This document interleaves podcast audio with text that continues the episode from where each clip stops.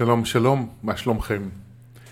זה נורא הפתיע אותי בימים האחרונים שעברתי על הפרקים בפודקאסט שלי ולא היה אף פרק שהוקדש להשתקפויות. עכשיו, אני גם מודע לזה שלא עברתי על כל הפרקים. אני גם מודע לזה שזיכרון שלי יותר ממוקד בכאן ועכשיו מאשר במה עשיתי בעבר. אז uh, יכול להיות שכבר היה פרק כזה ופספסתי אותו איפשהו, אבל... Uh, ואני אומר לעצמי שאני יכול uh, להקדיש עוד איזשהו זמן לעבור על הכל, אבל החלטתי שאין לי סבלנות לעשות את זה כמיטב המסורת של עצמי, ופשוט להקליט פרק על השתקפויות, מתוך ידיעה גם שגם אם הקלטתי כבר פרק כזה, יש סיכוי שבחלוף הזמן אני אסביר את זה אולי בצורה יותר אה, מדויקת. אה, אצליח להביא איזה נקודות מבט אה, שונות ביחס לנושא הזה. אז הנה אנחנו כאן, לדבר על השתקפויות, לדבר בעצם על יצירת מציאות, על העובדה שמה שהמציאות מביאה איתה לחיים שלנו הוא ביטוי של העולם הפנימי שלנו. זה בעצם פרק, ואני אגיד את זה שוב, זה פרק על יצירת מציאות, וזו נקודה מאוד משמעותית בעיניי, משום שהרבה פעמים אנשים אומרים או כותבים, אני רואה את זה ברשתות החברתיות בעיקר, שלא הכל זה השתקפות. שיש דברים שקורים במציאות, הם קורים במציאות. הם לא השתקפות שלי. שזה בעצם, במילים אחרות, להגיד אני לא יוצר את כל המציאות. אני חלק מהזמן קורבן, אני חלק מהזמן נסחף אחרי נסיבות, אני לא באמת יוצר מציאות במאה אחוז, לכן אני לא באמת יכול לשנות את המציאות שלי במאה אחוז. לכן אני חייב אה, להתמודד עם דברים שאני לא רוצה להתמודד איתם, ולסבול לפעמים כתוצאה מזה, ואין לי יכולת לשנות את זה. אז אני רוצה רק להבהיר שאם אתם מחזיקים בדעה הזו שלא הכל השתקפות, תבינו את המשמעות של זה. אתם משאירים את עצמכם בעמדה אה, פסיבית, חסרת אונים וקורבנית, אה, שבה כל מה שנותר לכם לעשות בחלק מהזמן הוא להתפלל לטוב ולקוות שהמציאות תביא דברים טובים, ואם היא מביאה דברים לא טובים אז uh, להתבאס, להתקרבן, לריב. ולהסתפק בזה. עכשיו, בינינו, רוב העולם חי ככה, כן? זה לא משהו מיוחד. אבל אנחנו פה, אני חושב שזה נכון לכל מי ששותף אה, או מקשיב לפרק הזה, אנחנו פה כי אנחנו רוצים לחיות אחרת, זה המכנה המשותף שלנו, ואם כבר לחיות אחרת, אז בואו נלך עם זה עד הסוף. בואו ניקח 100% בעלות. על הרעיון המוזר הזה, הלא ברור לגמרי, שאנחנו יוצרים מציאות. ואני אומר שהוא לא ברור לגמרי, כי זה לא ברור לגמרי איך אנחנו יוצרים מציאות, נכון? אז אני גם רוצה להגיד רגע בסוגריים, שיש פרק בפודקאסט הזה שעוסק ביצירת מציאות. הוא יחסית אחד הפרקים הראשונים, אתם יכולים למצוא אותו, אני מסביר שם באריכות על האופן שבו אנחנו יוצרים מציאות. ואם אנחנו באמת יוצרים מציאות, ואני מנסח את זה בסימן שאלה, למרות שעבורי זה לא סימן שאלה, אז המציאות היא אני. המציאות היא ביטוי, השתקפות של מה שקורה בתוכי. ואני מתכוון לכל המציאות, אוקיי? אני מתכוון גם למציאות שאנחנו נגדיר אותה כמציאות האישית שלי, זאת אומרת הזוגיות שלי, המצב הכספי שלי, המצב של הגוף שלי, המערכות יחסים השונות שיש לי בחיים עם אנשים שונים, וגם המציאות הקולקטיבית. זאת שנגיד המצב במדינה, או המצב בפוליטיקה, או הקורונה, לצורך העניין.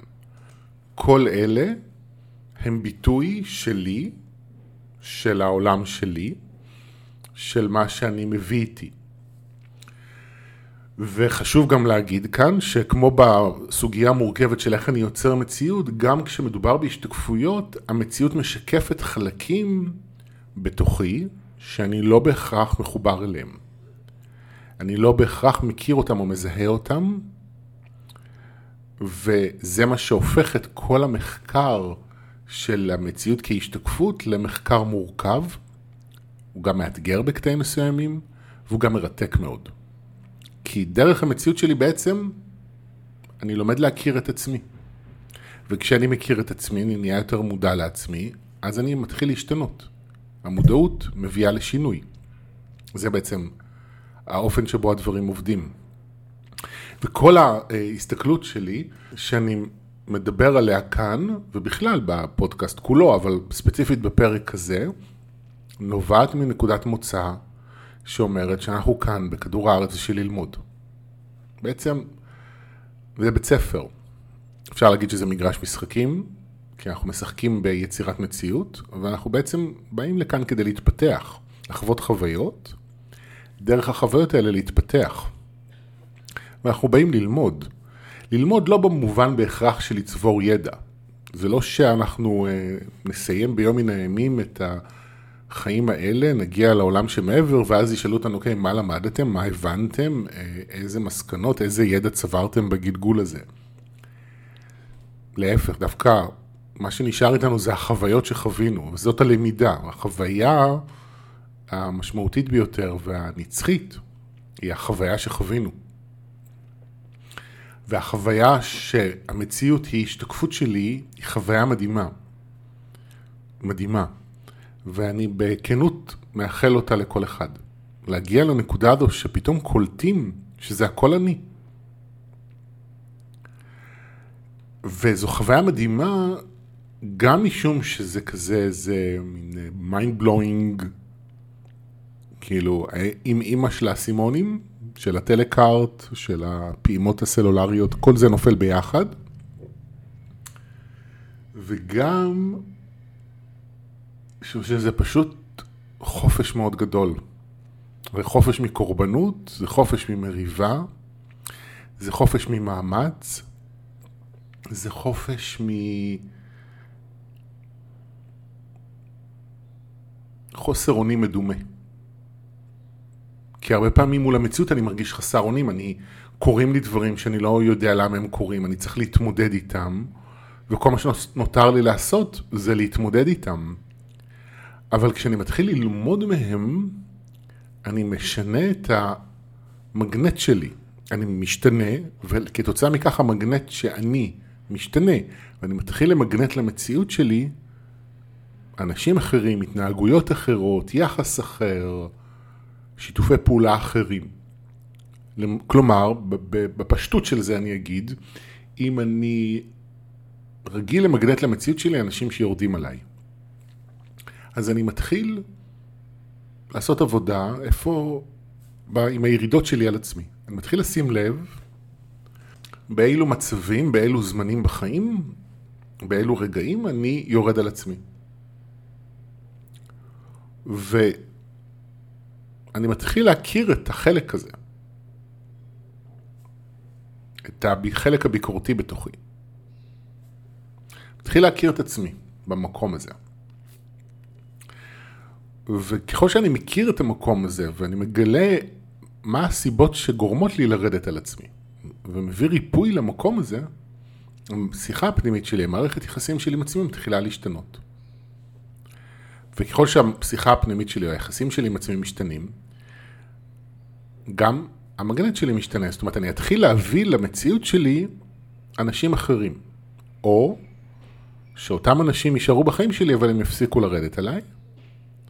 או שאולי אני אפתח את הפה, מה שפעם לא יכולתי לעשות, מבחינה רגשית, לא הרגשתי שאני מסוגל, פתאום יהיה לי ביטחון עצמי לבוא ולהגיד, רגע, סליחה, זה לא מתאים לי איך שאתם מדברים עליי, תפסיקו.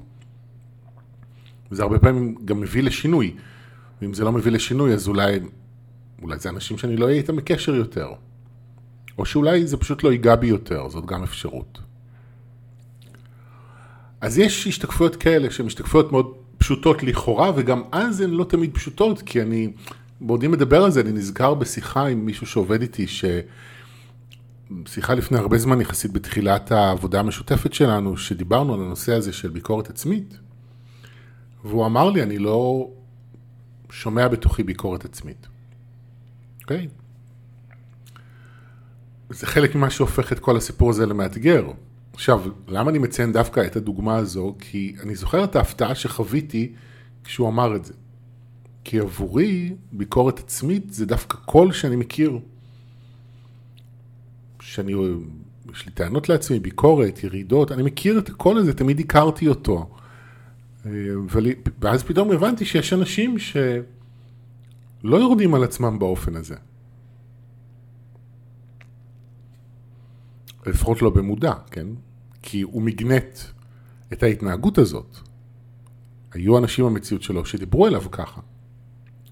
אז חלק מהעבודה שהוא היה צריך לעשות עם עצמו בזמנו, זה להתחיל לשים לב מתי זה קורה, להתחיל להקשיב למחשבות הקטנות האלה, שאנחנו לפעמים לא מתעכבים עליהן, הן פשוט עוברות בתוכנו. מילים שאנחנו אומרים לעצמנו, התגובות האוטומטיות שלנו אה, לעצמנו כשאנחנו מתנהגים בצורה שהיא לא נכונה בעיני עצמנו או לא בסדר בעיני עצמנו, התגובות המילוליות, לפעמים זה אפילו יכול להופיע בשפת גוף. ואז להתחיל לקלוט, הנה פה הביקורת, פה, פה זה נמצא, פה אני יורד על עצמי, וכן הלאה וכן הלאה. זה מאוד מאוד משמעותי. אבל כל מה שאמרתי עד עכשיו הוא אתגר אחד בכל הסיפור. יש עוד אתגר. ביקורת עצמית או ביקורת בכלל היא תכונה יחסית נפוצה, מוכרת, שגם קל יחסית, לרוב האנשים לפחות, לאתר אותה בתוך עצמם. ואם אני לא ביקורתי על עצמי, אז אני ביקורתי על אחרים, אוקיי? שזה משהו שאני צריך רגע להגיד, שכשאני פוגש משהו במישהו אחר שקשה לי איתו, שאני לא אוהב איזושהי תכונה מסוימת או התנהגות, אני תמיד צריך לבדוק את זה בשלוש חזיתות. האחת זה איפה אני מתנהג באותה צורה כלפי אותו בן אדם. כלומר, אם בן אדם יורד אליי, אז אני צריך לבדוק האם אני יורד אליו. והאם על עוד אנשים אחרים, אוקיי? שתיים, איפה עוד אנשים ירדו או יורדים עליי בחיים, אוקיי? יכול להיות אנשים בעבר או בהווה, בנוסף לאותו אדם. ולבסוף, איפה אני יורד על עצמי. כי בסופו של דבר זה, זה הבסיס, זה הנקודת מוצא. אני יורד על עצמי ואז יהיו אנשים שאני ארד אליהם, יהיו אנשים שירדו עליי. זה המשחק ואני צריך לחקור אותו מכל הכיוונים שלו. אוקיי? וזה אתגר אחד, כאמור. בואו ניקח תכונה או התנהגות פחות נפוצה. אוקיי? בואו ניקח גניבה. אוקיי? פרצו לי לדירה. לי זה קרה פעמיים בחיים. עכשיו, אני לא פרצתי לאף אחד לדירה שלו. אני לא יכול להגיד שזאת התנהגות שהייתה לי. אז מה אני עושה עם זה? עכשיו, אם זאת השתקפות, אז איך מסתכלים על השתקפות כזאת? וזה העניין. כשאני בוחן התנהגות, אני צריך להיות מאוד אה, אה, גמיש ואינטואיטיבי ביחס לאופן שבו אני חוקר את זה, או בדרך שבה אני חוקר את זה. כלומר, אני לוקח את המציאות לא רק כפשט, אלא גם כדרש. מישהו פורץ אליי הביתה, אז אני בודק איפה אני פורץ לבית, אבל בית לא בהכרח במובן הפיזי,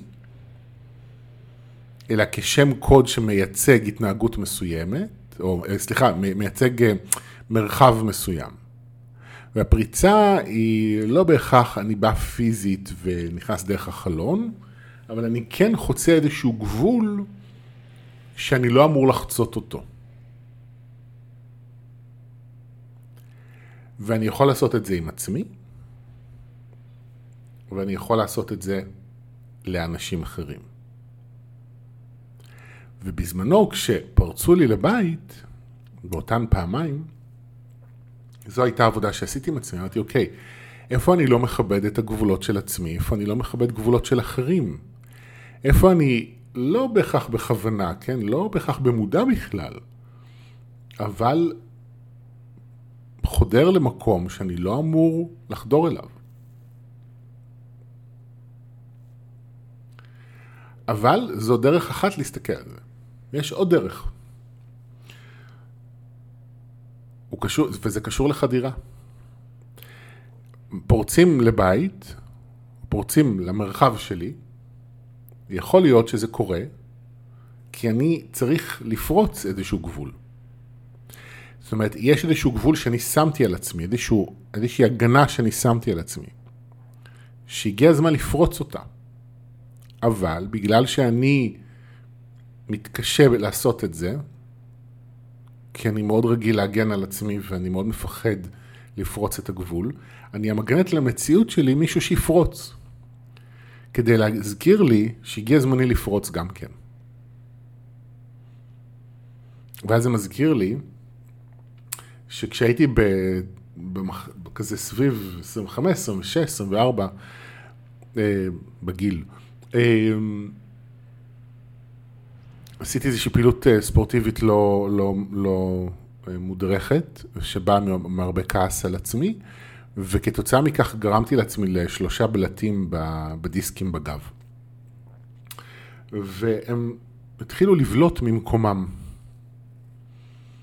ולשמחתי זה מעולם לא הגיע לכדי פריצת דיסק, אבל אחד, אחד הדברים שעשיתי עם זה, כי גם זה השתקפות, כן? כי המחלה שלי היא גם השתקפות של משהו שקורה בתוכי. הגוף הוא גם מבחינה הזו חיצוני לי. אמרתי, אוקיי, היה שם, יש משהו שבולט החוצה. עכשיו, אני התחלתי לשאול את עצמי, איפה אני אמור לבלוט? איזה בליטה, או נגיד אם יש לי פריצת דיסק, איזה פריצה אני אמור לעבור שאני לא עובר, אוקיי? עכשיו נגיד אצלי ספציפית, במקרה הספציפי הזה, הסיבה שעשיתי פעילות גופנית זה כי אה, נורא כעסתי על עצמי על העודף משקל שלי. עכשיו עודף משקל ורציתי לרזות ולעשות פעילות ובלה בלה. ועכשיו מה זה עודף משקל? זה משהו בולט. זאת אומרת גם שם כעסתי על עצמי על זה שאני בולט, אז עשיתי פעילות שגרמה לדיסקים שלי לבלוט, וחלק מה, מהכעס שהניע את כל זה, זה קשור לפחד שלי מלהיות בולט, ואי אפשר להגיד עליי שאני לא מי שפגש אותי, אה, אפילו רק בגלל הגובה שלי. אה, אבל הפחד שלי מלהיות בולט, ומה יקרה לי, הפחד להיפגע אם אני אבלוט, אז אני רוצה לצמצם את עצמי. ואז קרה מה שקרה עם הגב, ודרך אגב באותה תקופה גם הייתה הפריצה. בערך באותן, באותה שנה, שנתיים, זו תקופה שגם הייתה הפריצה הזו, שזה גם. אוקיי, אני גם פורץ למקום שאני לא אה, אמור להיות בו, אבל אני גם מגן במקום שאני לא בהכרח צריך להגן עליו. אה, אז אתם מבינים שכל הנושא הזה הוא מאוד מאוד מורכב. ומאוד מרתק גם אם אתם מתחברים לזה. ועכשיו אני אתן לכם אה, דוגמה נוספת לאתגר נוסף כשאנחנו חוקרים את ההשתקפויות שלנו. בואו ניקח למשל אה, בן אדם שלא מפסיק לדבר. אוקיי? נגיד אתם פוגשים בן אדם שכל הזמן מדבר. ואתם מרגישים לא נוח לפעמים, שאתם... אה, צריכים להקשיב, אה, ואתם אולי מרגישים שאין לכם מקום.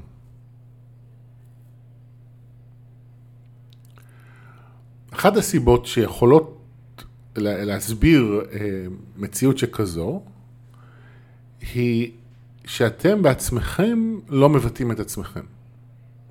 זאת אומרת, יכול להיות שייכנס לחיים שלכם בן אדם שההתנהגות שלו תעצבן אתכם, כי אתם בעצם צריכים ללמוד ממנו. תבינו, בעצם המציאות שלי משקפת אותי, ב, או יכולה לשקף אותי בשני חלקים. ואולי רגע אני אקדים עוד משפט ואני אגיד שהנקודה שה, שבה אני מתחיל לעצור ולשאול שאלות על למה דברים קורים, למה המציאות שלי, למה אלה ההשתקפויות שלי, אחת הסיבות העיקריות, כי משהו מעצבן אותי, משהו קשה לי, משהו, מה, מישהו או משהו קשה לי, מעליב אותי, מעצבן אותי, לא עובד טוב, משהו לא בסדר. אז אני מתחיל לשאול שאלות כדי להבין מה אני אמור ללמוד מזה, מה קורה פה. עכשיו, כשמישהו מעצבן אותי בהתנהגות שלו, זה יכול להעיד באופן כללי על שתי סיבות. סיבה אחת, הוא משקף התנהגות בתוכי, שאני צריך להכיר ולרפא. למשל, אה, אני אה, פורץ אה, גבולות במקום שבו אני צריך לכבד אותם, או שם גבול במקום שבו כדאי לי דווקא להסיר גבול. זו, אלה התנהגויות שהן באות מפחד, הן באות מכאב, הן באות מ"אני לא מספיק טוב", וכדאי לי לרפא אותן כדי להשתנות. אבל לפעמים המציאות משקפת התנהגות שכדאי לי דווקא לחזק. למשל, הבן אדם הזה שמדבר, אולי הוא קיצוני, אוקיי? אולי הוא משקף את ההתנהגות הזאת בקצה שלה. כלומר, הוא ידבר ללא הפסקה, מבלי להתחשב אה, במי שהוא מדבר, מדבר אליו ואיתו, בלי להקשיב לבן אדם השני, בלי לתת מקום לבן אדם השני, אוקיי? יכול להיות שזה מעצבן אתכם. ויכול להיות שזה מעצבן אתכם, כי אתם צריכים לראות איפה אתם חסרי רגישות לאחרים, איפה אתם לא מתייחסים לאחרים. זאת יכולה להיות סיבה. אבל סיבה אחרת שיכולה להיות, זה כי אתם אה, לא מרשים לעצמכם לדבר. הבן אדם הזה בא להזכיר לכם ש... תתפס, תתפסו ביטחון, תחזקו את הביטחון שלכם ותפתחו את הפה ותגידו את מה שיש לכם להגיד, ואל תתעסקו כל כך במה יגידו עליכם. אז יכול להיות שאם אתם נמצאים בקצה של אני עסוק כל כך במה יגידו עליי שאני שותק, אני המגנט למציאות שלי בן אדם שהוא בקצה השני של הסקאלה. שהוא ידבר בלי להתחשב באף אחד, כשהמסר של המציאות הוא, היא לא תעבור לקצה השני ותתנהג כמוהו, אלא אתה צריך להגיע לאיזשהו אמצע שאתה מדבר בו בחופשיות מתוך אה, מין איזון כזה שמצד אחד אני כן רגיש לאחרים, אבל אני לא מבטל את עצמי מהמקום הזה. ואני כן אדבר ואגיד מה שאני רוצה. אז פעם הייתי קורא לזה השתקפות הפוכה, אבל זה בעצם השתקפות שבאה להזכיר לי לחזק משהו, לעומת השתקפות שבאה להזכיר לי לרפא משהו. עכשיו, מתי זה מה? וכמו שעכשיו נתתי בדוגמה הזו, אותה התנהגות בדיוק יכולה להגיד כמה דברים. הוא יכול לשקף לי חוסר רגישות, של אני מתעלם מאחרים, והוא יכול לשקף לי, וואלה, כדאי לך לתפוס ביטחון ולפתוח את הפה, וזה לכאורה סותר, אבל אז אני אראה לכם איך זה לא סותר. כי הוא משקף לי חוסר רגישות, כי אם השיעור שלי הוא לפתוח את הפה ולדבר, מה שקורה זה שאני לא רגיש כלפי עצמי. זאת אומרת, אני מאוד רגיש לאחרים, אני מאוד אתחשב באחרים, אני אבטל את עצמי עבור אחרים, אבל אני בעצם לא רגיש כלפיי. כמו שאותו בן אדם היה לא רגיש כלפיי. אז יש פה גם אלמנט של חוסר רגישות כלפי עצמי, וגם מסר תפנה את הרגישות הזאת פנימה, אז תהיה יותר בתשומת לב למה אתה צריך, מה אתה רוצה להגיד, ותדבר את זה. ותפתח את הפה. אז אתם מבינים, זה מאוד מאוד מאוד מורכב, כי אפשר לבוא לזה מפה ואפשר לבוא לפה, לזה מפה. אפשר להסתכל על זה ככה ואפשר להסתכל על זה ככה.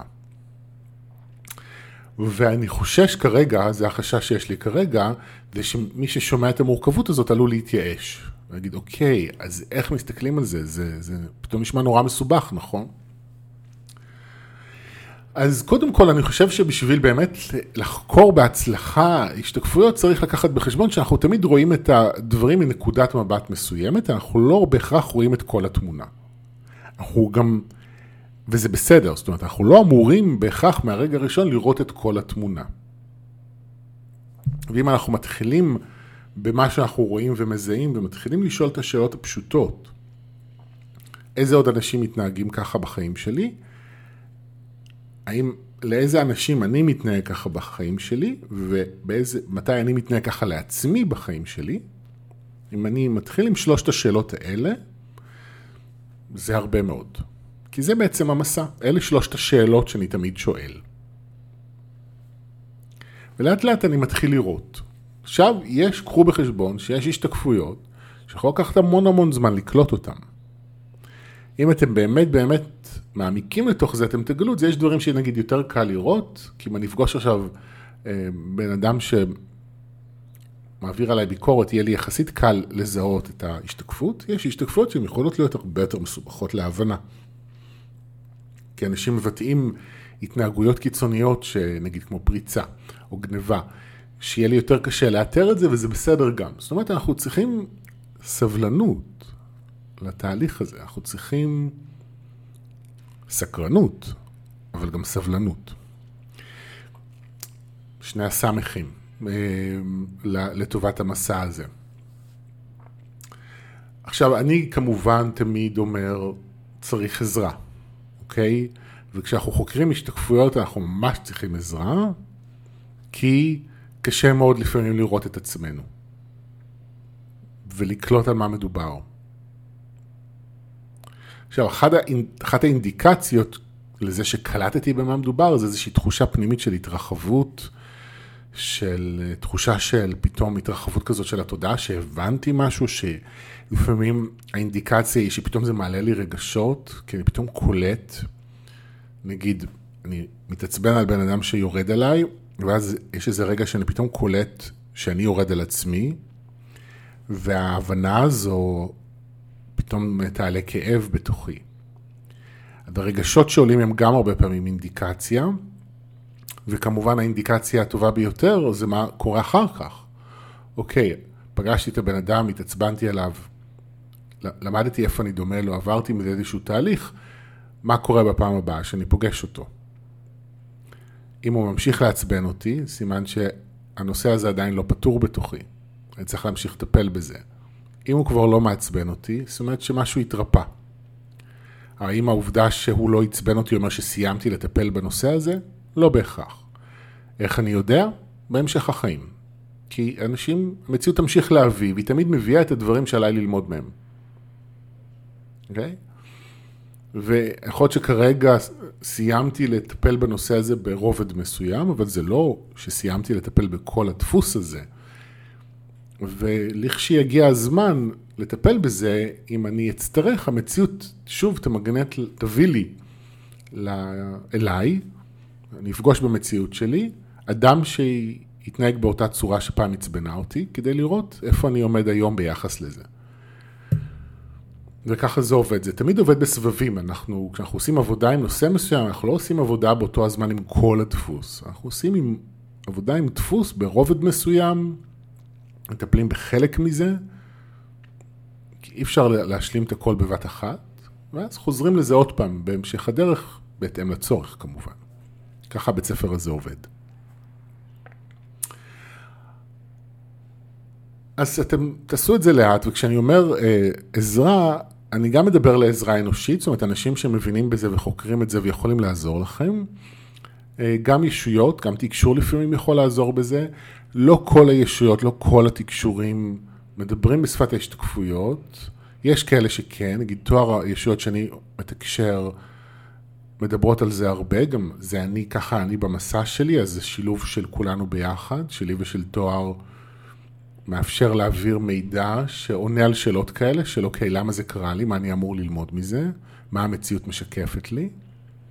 אז גם אם אתם נעזרים בתקשור, כמובן תשימו לב שאתם פונים לתקשור שמתאים. יש עוד מתקשרים שכמובן יכולים לענות על אה, שאלות כאלה. וזהו, ואני רוצה ממש לפני הסוף רק להזכיר שמה שזה עושה, התהליך הזה, הוא לפעמים יכול להיות לא פשוט. לראות כל מיני חלקים בתוכי, אבל הוא בעצם יותר ויותר מחזיר את הכוח אליי. זה לא בהכרח שאני תמיד חווה איזו התרוממות רוח ואיזו תחושה של וואו, לפעמים המפגש הפנימי הוא מאוד מאתגר, אבל אני מחזיר את הכוח אליי. כי כשאני מרפא את עצמי, כשאני משנה את עצמי, כל המציאות שלי משתנה, אוקיי? וגם כשמדובר במציאות הקולקטיבית, שעל זה לא דיברתי הפעם, גם את זה, זה יכול לשנות, אבל יותר לאט לטווח יותר ארוך. זהו, תודה רבה חבר'ה, ביי ביי.